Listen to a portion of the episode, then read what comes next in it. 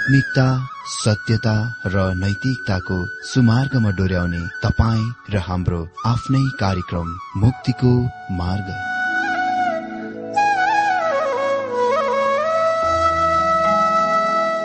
आदरणीय श्रोता यस मुक्तिको मार्ग कार्यक्रममा हार्दिक स्वागत छ।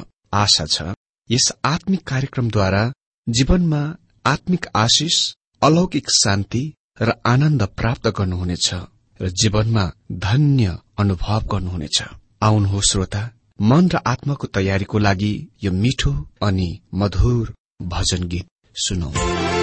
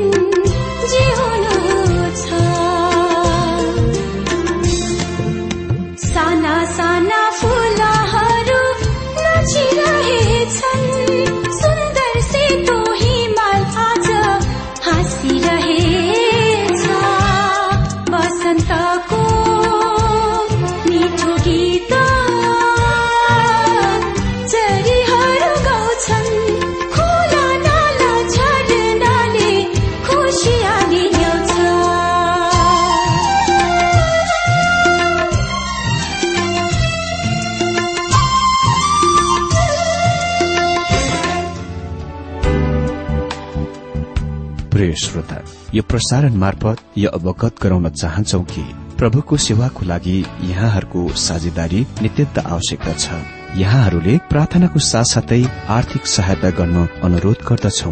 तपाईँहरूको सानो भन्दा सानो भेटी किन नहोस्? हामी प्रभुको नाममा स्वीकार गर्नेछौ। प्रभुको सेवाको लागि। तपाईँहरूको यो सानो लगानीले कसैको जीवनमा भिन्नता ल्याउँछ? अनि प्रभुको महिमा हुन्छ। प्रभु तपाईँहरूलाई महान गरी आशिष दिनुहुनेछ। इच्छुक श्रोताहरूले तपाईँको इच्छा भेटी हाम्रो ठेगानामा पठाउन सक्नुहुन्छ जुन ठेगाना हामी कार्यक्रमको अन्तमा दिनेछौ। मित्र आउनुहोस् हामी छोटो प्रार्थनाको साथ आजको यो वचन अध्ययनमा प्रवेश गरौं। जीवित अनि परमेश्वर बुबा आज पनि तपाईँको करूणा तपाईँको कृपा तपाईँको अनुग्रहको परिणाम स्वरूप हामी यो दिन देख्न सकेका छौं। तपाईँको वचन अध्ययनमा भाग लिन सकेका छौं। जीवित बुबा आज साँच्चै नै कति मानिसहरू यो संसारलाई देख्न पाएनन्। कतिजना यो दिनलाई देख्न नपाइकन विदा लिएर सुते मृत्युमा तर तपाईँले हामीलाई यो दिन दिनुभएको छ। तपाईँ प्रभुसँग संगति गर्ने तपाईँ प्रभुको दिव्य बाणी सुन्ने तपाईँ प्रभुको वचन मनन गर्ने अध्ययन गर्ने। अनि प्रभुजी हामी चाहन्छौ कि यो समयलाई हामी जति सक्दो सदुपयोग गरेको। किनकि प्रभुजी हुन सक्छ हामी फेरि यस्तो समयहरू नपाउला। तर प्रभु तपाईँले आज हामीले यो समय दिनुभएको लागि धन्यवाद छ। अनि प्रभु हामी यसलाई सदुपयोग गर्न सकौं र प्रभु तपाईँको वचन अध्ययनमा लागेर धेरै धेरै कुरा सिक्न सकौं जुन हाम्रो निम्ति अति नै लाभप्रद छ। र आत्मिक रूपमा हामी बढ़न सक्छौ र तपाईँ प्रभुको महिमा गर्न सक्छौ। यसो प्रभुको नाममा यो प्रार्थना माग्छु। मित्र अघिल्लो दिनमा हामीले हेरिरहेका थियौं दुलैको स्थायी वासस्थानको वर्णन जुन नयाँ यरुसलेम हो। अनि हामीले देख्यौं त्यस शहरका ढोकाहरू र त्यस शहरको जगहरू। आज हामी बाइबल अध्ययन प्रकाश एक्काइस अध्यय पन्ध्रदेखि एक्काइस पदबाट देख्नेछौ। यहाँ हामी देख्नेछौ त्यस शहरको आकार र रूप। त्यस शहरको पर्खाल अनि त्यस शहरको जगमा बहुमूल्य पत्थरहरू। त आज हामी सर्वप्रथममा देख्छौ त्यस शहरको आकार र रूप।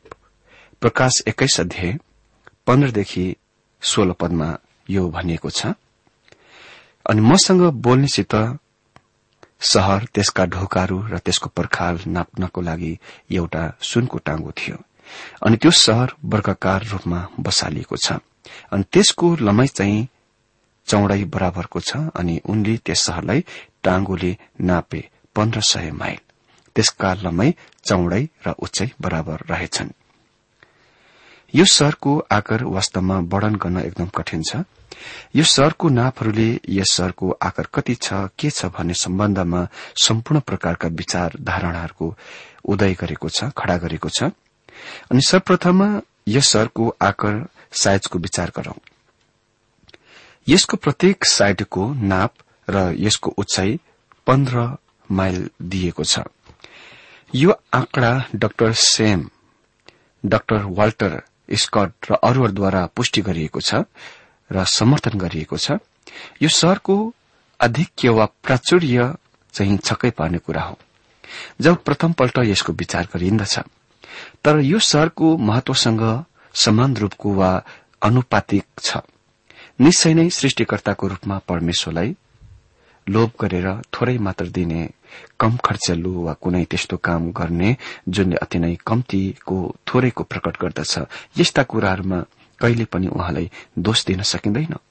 जब तपाई खोलाको किनारमा र समुद्रको किनारमा जानुहुन्छ उहाँले प्रशस्त बालुवा त्यहाँ राख्नु भएको प्रशस्त पानी समुद्रमा राख्नु भएको देख्नुहुन्छ।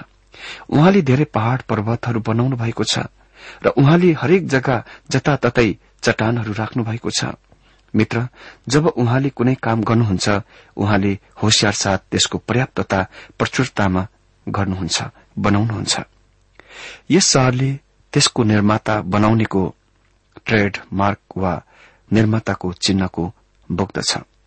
प्रभु येशु नासरतको शिकर्मी एक हुनुहुन्छ जसले नै यो शहर बनाउनुभयो अहिले मसँग यो शहरको आकारको विचार गरौं।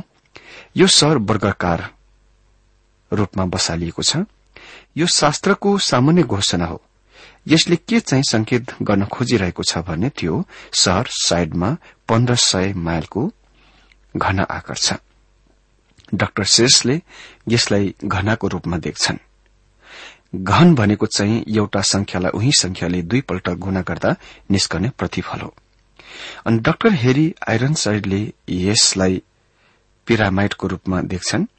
अनि अरूहरूले यस नापहरूलाई विभिन्न जियोमेट्रिक आँकड़ाहरूमा अर्थ खुलाएका छन् वा अर्थ दिएका छन् तर अन्तरिक्षमा घनाकार वा पिरामिडको प्रकारको शहरको योजना बनाइएको छ। यसको बुझ्न एकदम नै कठिन छ। घनाकार र पिरामिडहरू पृथ्वीका बिल्डिङ भवनहरूको लागि उपयुक्त छ। तर अन्तरिक्षको लागि अव्यवहारिक जस्तो देखिन्छ जस्तो कि गोलाकार संसारिक लौकिक बिल्डिङहरूको निम्ति अव्यवहारिक छन्। तैपनि यहाँ स्पष्ट रूपमा बताइएको छ कि त्यो शहर चार वर्गकारको छ। कठिनाईहरूको निवारण हुन्छ जब सफा संग्लो गोलभित्र घनाकारको रूपमा यस शहरलाई सोच्दछौ विचार गर्दछौ। हामीलाई यहाँ वास्तवमा भित्री नापहरूको दिइएको छ। म यसलाई ठूलो प्लास्टिक बलको रूपमा सोच्दछु विचार गर्दछु जुनको भित्र चाहिँ घना आकार छ र यसको प्रत्येक सबै आठ कुनाहरूले गोलको छुँदछ अनि यसले निश्चय नै गणितको सम्मिलित गर्दछ माग गर्दछ जुनको मैले बुझ्न सकिन। अनि मैले अन्तरिक्ष कार्यक्रममा संलग्न भएका दुवै गणितको विद्वान र इन्जिनियरलाई त्यो गोलाकारको वा त्यो गोलको परिधि घेरा कति हुन्छ त भन्ने तथ्यको तय गर्न सोधेथे।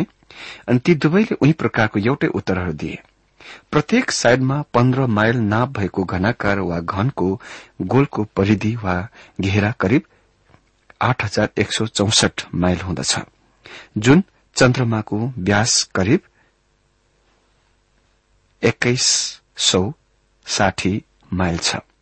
अनि नयाँ यरुसलेमको परिधि वा घेरा चाहिँ करिब छब्बीस सौ माइल हुन आउँदछ। यसरी नयाँ यरुसलेम चन्द्रमा वा जुनमा भन्दा केही ठूलो हुनेछ। यो अन्य सूर्य चन्द्र तारा ग्रह जस्तै गोलो हुनेछ। म व्यक्तिगत रूपमा विश्वास गर्दछु कि यो नै तस्विर यहाँ दिइएको छ। मेरो सोचाइ यो हो कि हामीले यो गोलभित्र बस्नेछौ। हामी यो गोलभित्र बस्नेछौ रहनेछौ बाहिर होइन। यहाँ पृथ्वीमा हामी बाहिर बस्दछौ आउटसाइडमा बस्दछौ। र यसले केही कठिनाईहरूको पेश गर्दछ। प्रभुले पृथ्वीमा हामीलाई पक्रिराख्न थामिराख्न अडाइराख्न गुरूत्व आकर्षणको नियम बनाउनु परेको थियो। नत्र हामी अन्तरिक्षमा उडी जाने थियौं। हामी यहाँ बाहिर आउटसाइडमा हिँड्छौं तर म सोच्दछु कि नयाँ यरुसलेम हामी भित्र इनसाइडमा हिँडेका छौं। त्यसपछि हामी देख्छौ त्यस शहरको पर्खाल। सत्र पदमा भनिएको छ अनि उनले त्यसको पर्खाल नापे। मानिसको अर्थात स्वर्गीय दूतको नाप अनुसार एक सय चौवालिस हातको रहेछ। अनि अठार पद पढिदिन्छु अनि त्यसको पर्खाल स्फटिकले बनिएको थियो अनि शहर चाहिँ स्वच्छ काँच जस्तै चोखो सुनको थियो। शहरको पर्खाल रक्षाको लागि हो। पर्खालले घेरेको शहर सुरक्षित शहर हो। नयाँ यरुसलेम सुरक्षित छ। अनि त्यहाँ रहनेहरू सुरक्षामा बस्छन् वा सुरक्षामा रहँदछन्। यी स्वर्गीय नागरिकहरूले सुरक्षाको र शान्तिको फलहरूको आनन्द भोग गर्नेछन्। पृथ्वीमा परमेश्वरसँग मिलाप र शान्ति पाउनेहरूले बनिएको चर्च दुलीले पूरा अनन्त अनन्तभरि शान्तिको भरपूर्ण र परिपूर्णताको अनुभव गर्नेछ। पर्खालहरू त्यो चिन्ह हो कि यो शहरले आफ्नो नामको अर्थात शान्तिको पूर्ण अर्थको प्राप्त गरेका छन्। पर्खालहरू उचाइमा एक सौ चौवालिस हात अर्थात दुई सौ सोह्र फिट छ। र हेरोडटसले प्राचीन बेबिलोनको पर्खालहरूको नापको लागि पचास हात बाक्लो चौडाई र दुई सौ हात उचाइको रूपमा अन्दाजको दिन्छन् ती पर्खालहरू त्यस शहर दुर्जय वा कसैद्वारा जित्न नसकिने बनाउनलाई निर्माण गरिएका थिए। नयाँ यरुसलेमको पर्खालको उचाइ अति नै महान छ तर यो शहरको विशाल आकर्षण समान रूपको वा अनुपातिक छ। रक्षाको लागि नभए खास मात्रामा सुन्दरता नै बनावटमा डिजाइनमा उद्देश्य वा इरादा छ। यो मूल्यवान पत्थर हिराले बनिएको सहर हो र त्यसको पर्खाल पनि मूल्यवान पत्थरले बनिएको छ। अनि त्यस सहर सबै प्रकारका बहुमूल्य पत्थरहरू हिरामणीहरूद्वारा जडान गरिएको छ। त्यसको सुन्दरता शान भव्यता एकदम बढनदेखि बाहिरको कुरा छ। त्यसपछि निम्न पदहरूमा हामी देख्छौ जगमा पत्थरहरू। जगमा पत्थरहरू। प्रकाश एक्काइस अध्यय उन्नाइस र बीस पदमा यस प्रकार लेखिएको छ अनि त्यस शहरका पर्खालका जगहरू चाहिँ सब प्रकारका रत्नहरूले सिंगारिएका थिए। पहिलो जग स्फटिक थियो दोस्रो निर्मणी तेस्रो खालसेडुन चौथो हितमणी पाँचौं गोमेत छैटौं लालमणी सातौं पितमणी आठौं फिरोज नवौं पुष्पराज दशौं लसुने एघारौं धुम्रकान्त बाह्रौं अमिथिस्ट शहरको बाह्र जगहरूसँग बाह्र प्रेरितहरूको नाम छैन। तर तिनीहरू बाह्र अलग मूल्यवान पत्थरहरू हुन्।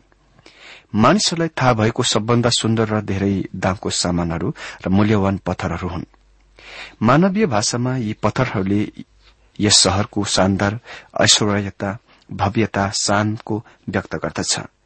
अनि यो मूल्यवान पत्थरहरू त्यस शहरको महिमाको केही कुरा तिनीहरूलाई बताउन प्रयोग गरिएको छ जसले पहिलो कुरन्ती बाह्रको एघार पद अनुसार अहिले चाहिँ धुन्ला अस्पष्ट रूपमा देख्छन्। कुनै दिन हामी यसको स्पष्ट रूपमा देख्न गइरहेका छौं। जगमा यी विभिन्न बाह्र पत्थरहरूको गहिरो जाँच परीक्षणले त्यसको सुन्दरताको भव्यताको ऐश्वर्यताको प्रकट गर्दछ। पत्थरहरूलाई निम्न तरिकामा एक एक गरी उल्लेख गरिएको छ। पहिलो स्फटिक ग्रीकमा हो इयोस्पिस। अनि यसको रंग एकदम सफा छ। अनि यो सम्भवत हिरा हुन सक्छ। यो एकदम संग्लो सफा छ र रंग र ज्योतिको प्रतिविम्बित गर्दछ। अनि डाक्टर शेष नयाँ यरुसलेमको बारेमा बोल्नुहुँदा यसलाई सूर्यको किरणमा पारदर्शक लट्केको छडी जस्तो हिउँको रूपमा सफा शुद्ध र चहकिलो भनी वर्णन गर्दछन्। अनि दोस्रो निर्मणी ग्रीकमा हो सफिरोस। अनि यसको रंग निलो हुन्छ। यो पत्थर प्रस्थान चौबिसको दश पदमा परमेश्वरको जगको रूपमा उल्लेख गरिएको छ। भनिएको छ र इसरायलका परमेश्वरलाई देखे उहाँका खुट्टा मुनि निरले छापिएको थियो। निरले छापेको आकाश जस्तै सफा भएको पेटी जस्तो थियो। अनि मफेटले यसलाई नील पत्थरको रूपमा वर्णन गरेका छन्। अनि तेस्रो खाल्सेडोन ग्रीकमा हो कलकेडोन। अनि यसको रंग प्राय हरियो खालको थियो। यो दामी पत्थर हो। प्लिमीले यसलाई कल्केडोन पर्वतमा जम्मा भएको विविध प्रकारको एक प्रकारको दामी पत्थर हो भनी वर्णन गर्दछन्। अनि रोबर्टसनले भन्छ कि सम्भव तामाको हरियो द्रव्य पदार्थ हुन सक्छ। अनि चौथो हरितमणि अनि ग्रीकमा हो स्मार डोस स्मार्क डोस। अनि यसको रंग हरियो हुन्छ। रोबर्टसनले यसलाई नील पत्थरको रूपमा वर्णन गर्दछन्। अनि पाँचौं गोमेद ग्रीकमा हो सेडनक्स। अनि यसको रंग रातो हुन्छ। अनि रोबर्टसनले रातो तह पत्रहरू सहित सेतोको रूपमा वर्णन गर्दछन्। अनि छैठौं लालमणी ग्रीकमा हो सार्डियस। अनि यसको रंग आगो जस्तै देखिने रातो हुन्छ। अनि प्लिमीले भन्छ कि यो स्याडिसबाटको रातो पत्थर हो। स्विटेले भन्छ कि त्यो आगो जस्तो रातो हो। अनि सातौं पितमणी ग्रीकमा हो। क्रुसोलिथस अनि यसको रंग सुनौलो वा पहेँलो हुन्छ। मुफतले यसलाई सुनौलो वा सुनको जस्तो रंगको वर्णन गर्दछन्। अनि रोबर्टसनले भन्छन् यो पुष्पराज मणि जस्तै सुनौलो रंगको हो। अनि आठौं फिरोजा ग्रीकमा हो टोपाजियोन। अनि यसको रंग प्राय हरियो पहेँलो हुन्छ। अनि आठौं फिरोजा ग्रीकमा हो बेरुलोस। अनि यसको रंग हरियो हुन्छ। रोबर्टसन भन्छन् कि यो एक किसिमको दामी पत्थर हो अनि प्लिमीले भन्छन् कि यो समुद्रको जस्तो देखिने वा समुद्रको जस्तो हरियो देखिन्छ यसको रंग अनि नौ पद नौ कुरा देख्छौ। पुष्पराज अनि ग्रीकमा हो टोपाजियोन। यसको रंग प्राय हरियो पहिलो हुन्छ। अनि रोबर्टसनले यसलाई हरियो जस्तो रंगको पत्थर भन्दछन्। अनि दशौं लसुने ग्रीकमा हो क्रुसो प्राक्सोस अनि यसको रंग सुनौलो हरियो हुन्छ। इन्टरनेशनल स्ट्याण्डर्ड बाइबल इन्क्लोपेडियाले यसलाई समुद्र जस्तो हरियोको रूपमा वर्णन गरेको छ। अनि एघार धुम्रकान्त ग्रीकमा हो ह्युकिन्थ्याई। अनि यसको रंग बैजानी हुन्छ। अनि बाह्रौं। अमिथिस ग्रीकमा हो अमेस्थोस यसको रंग पनि बैजानी वा रातो निलो मिसिएको रंग जस्तो हुन्छ। यद्यपि इन्टरनेशनल स्ट्याण्डर्ड बाइबल इन्साइक्लोपिडियाले यसलाई गाढ़ा रातो रंगको रूपमा वर्णन गरे तापनि रबर्टसनले यसको रंग बैजनी रंगको रूपमा वर्णन गर्छन्। जे होस् नयाँ यरुसलेमको जग अति नै धेरै लगानी र मूल्यवान मणिहरू पत्थरहरूद्वारा निर्माण गरिएको छ। भित्रपट्टि येसो हुनुहुन्छ जो जब उहाँ यहाँ हुनुहुन्थ्यो संसारको ज्योति हुनुहुन्थ्यो अनि त्यहाँ उहाँ विश्व ब्रह्माण्डको ज्योति हुनुहुन्छ। अन्तरिक्ष यात्रीहरूले हामीलाई भन्छन् कि अन्तरिक्षमा रंगहरू लगभग सम्पूर्ण नै खैरो र कालो रंग मात्र हुन्छ। तर मित्र तपाई स्वयंले नयाँ यरुसलेम नदेख्ुन्जेल त्यसलाई आफ्नै स्वयं आँखाले नदेखुन्जेलसम्म पर्खनुहोस्। परमेश्वरको नयाँ आकाशहरू र नयाँ पृथ्वी उज्यालो हुन गइरहेको छ जस्तो कि अघि पहिले कहिले पनि यस्तो भएको थिएन। म सोच्दछु कि यो विस्मयकारी दृश्य हुन गइरहेको छ जस्तो कि तपाईँले कहिले पनि देख्नु भएको छैन। यो नयाँ यरुसलेम ग्रह हो जुन स्वर्गीयबाट तल झर्दछ। हरेक कुरा यसको वरिपरि परिक्रमा परिभ्रमण गर्न गइरहेको छ अनि ज्योति त्यहाँबाट आउनेछ। प्रभु येशु प्रकाश ज्योति र स्रोत कम्पनी हुनुहुन्छ।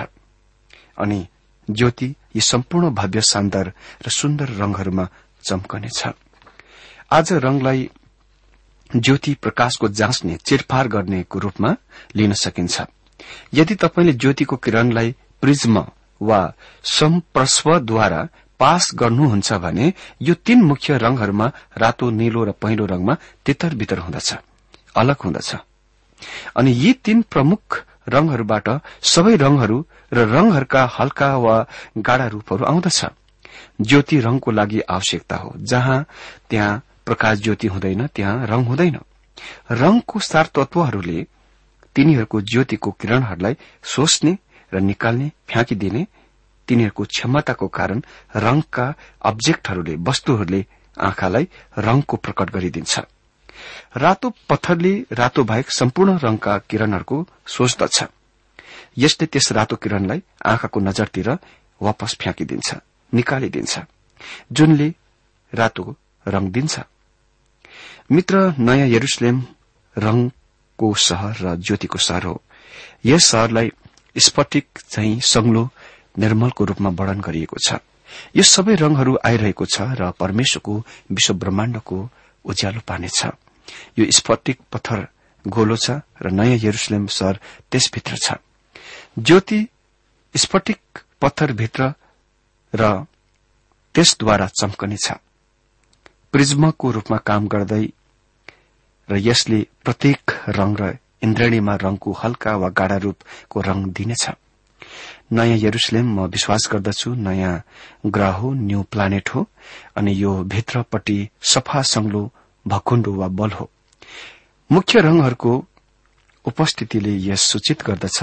राय दिन्छ कि प्रत्येक रंगको हल्का वा गाढ़ा रूप र कुनै विशेष रंगको विभिन्न वर्ण यो शहरबाट प्रतिविम्बित गरिन्दछ घाम पानी वा दिनमा सानो वर्षापछि प्रकट हुने इन्द्रणीले यस ज्योतिको शहरको रंगमा सुन्दरताको अति नै कमजोर छाप प्रभावको दिन्छ अर्थको दिन्छ वा चित्र दिन्छ।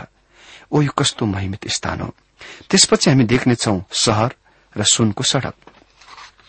एक्काइस पदमा भनिएको छ अनि बाह्रवटा ढोका चाहिँ बाह्रैवटा मोती थिए। एक एक ढोका एक एक मोतीको थियो अनि शहरको सड़क चाहिँ छर्लङ्ग देखिने काँच जस्तै चोखो सुनको थियो। यो कुराको ध्यान दिउँ कि पद अठारले पनि भन्छ अनि शहर चाहिँ स्वच्छ काँच जस्तै चोखो सुनको थियो। हामीलाई यो विवरण सहितको वर्णनको आरम्भमा भनिएको थियो कि यो शहर पारदर्शक वा वारपार छर्लङ्ग देखिने शहर थियो। यो नै कुराले मलाई यो विश्वास गर्न अगुवाई र चाह बित्यो हामी भित्रपट्टि वा भित्रतिर इनसाइडमा रहनेछौ। हामी भित्रपट्टि इनसाइडमा रहनेछौ र हरेक कुरा छर्लङ्ग देखिनेछ पारदर्शक छ। यसको मतलब हो भित्रबाट देखि ज्योति चम्किनेछ र बाहिर यी विभिन्न रंगहरूका पत्थरहरूमा भएर निस्कि जानेछ। आज धेरै रंगहरू हाम्रा प्राकृतिक शारीरिक आँखाहरूले देख्न नसक्ने रंगहरू हामीले त्यस समयमा पाउन गइरहेको नयाँ शरीरले देख्न सक्नेछ। हामीलाई यो पनि भनिएको छ कि सड़कहरू शुद्ध सुनको छ। व्यक्तिगत रूपमा म यो कुराको ख्याल गर्दिन कि त्यस स्थानमा त्यस बाटोमा कस्तो किसिमको वस्तु ओछ्याएको छ। तर यहाँ दुई कुराहरू छ जुनले मलाई प्रभाव पारेको छ। पहिलो यो सड़कहरू होइन बहुवचन प्लोरलमा छैन तर सड़क एक वचन सिंगुलरमा छ। यो धेरै सड़कहरू भएको शहर होइन। अनि दोस्रो यो वारपार छर्लङ्गै देखिने पारदर्शक छ। सड़कहरू पनि पारदर्शक छन्। यो सुनको हो तर पारदर्शक सुन। यसले मलाई फेरि यस कुरामा जोड़ दिन अगुवाई गर्दछ कि हामी केमा हेरिरहेका छौं भने गोलकको भित्रपट्टि इनसाइड भित्र सड़कहरूका सड़कहरू रहितको शहर त्यस्तो शहरको आज हामी कल्पना पनि गर्न सक्दैनौ। त्यो हुनै सक्दैन। अनि तपाईँ सानो शहरहरूमा पनि थुप्रै सड़कहरू देख्नुहुन्छ।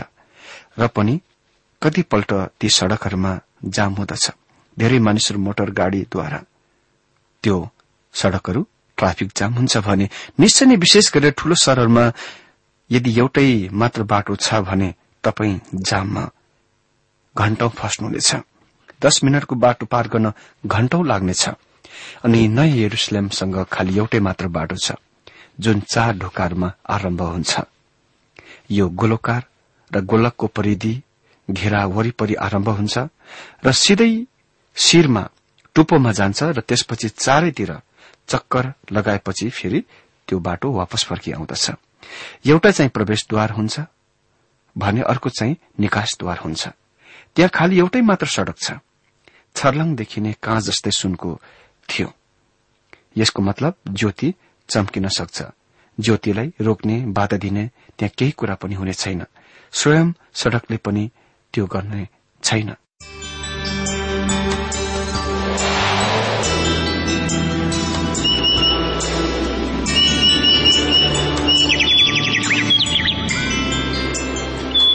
प्रिय श्रोता अहिले भर्खरै तपाईँले टीडब्ल्यूआर नेपालद्वारा संचालित आत्मिक कार्यक्रम मुक्तिको मार्ग सुनिरहनु भएको थियो। श्रोता आजको यो कार्यक्रम सुनेर तपाईँलाई कस्तो लाग्यो? यदि यो कार्यक्रम सुनेर मनमा कुनै खुल्दुली वा कुनै प्रतिक्रिया अर्थात सुझावहरू छन् भने हामीलाई पत्रद्वारा लेख्न सक्नुहुनेछ।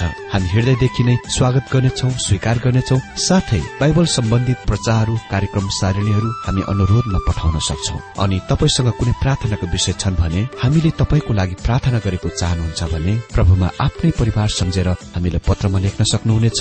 तपाईँको लागि हामी प्रभु येशुसँग प्रार्थना गर्नेछौ। अधिक जानकारी र पत्रचारको लागि हाम्रो ठेगाना यस प्रकार छ। कार्यक्रम मुक्तिको मार्ग जीपीओ नम्बर उनानब्बे पचहत्तर इपिसी पच्चिस एकसठी काठमाडौँ। ठेगाना एकपल्ट सुन्नुहोला। कार्यक्रम मुक्तिको मार्ग जीपीओ नम्बर उनानब्बे पचहत्तर इपिसी पच्चिस एकसठी काठमाडौँ। हाम्रो इमेल एड्रेस हो TWR Nepal at Yahoo dot com. साथै यस नम्बरमा एसएमएस गर्न सक्नुहुनेछ? अन्ठानब्बे चार सत्तरी पैंतिस छ सय उनासी नौ आठ चार सात जिरो तीन पाँच छ सात नौ। हुन्छ श्रोता आजलाई हामी विदा चाहन्छौ। अर्को कार्यक्रममा हामी पुनः भेट्नेछौ तबसम्मलाई नमस्कार।